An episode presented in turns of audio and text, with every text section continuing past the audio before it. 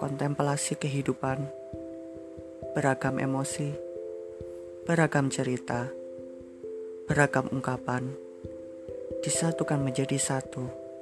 Catatan biru. Tayang setiap hari Sabtu dan Minggu. Bersama saya, Rahman Yuda Setiawan.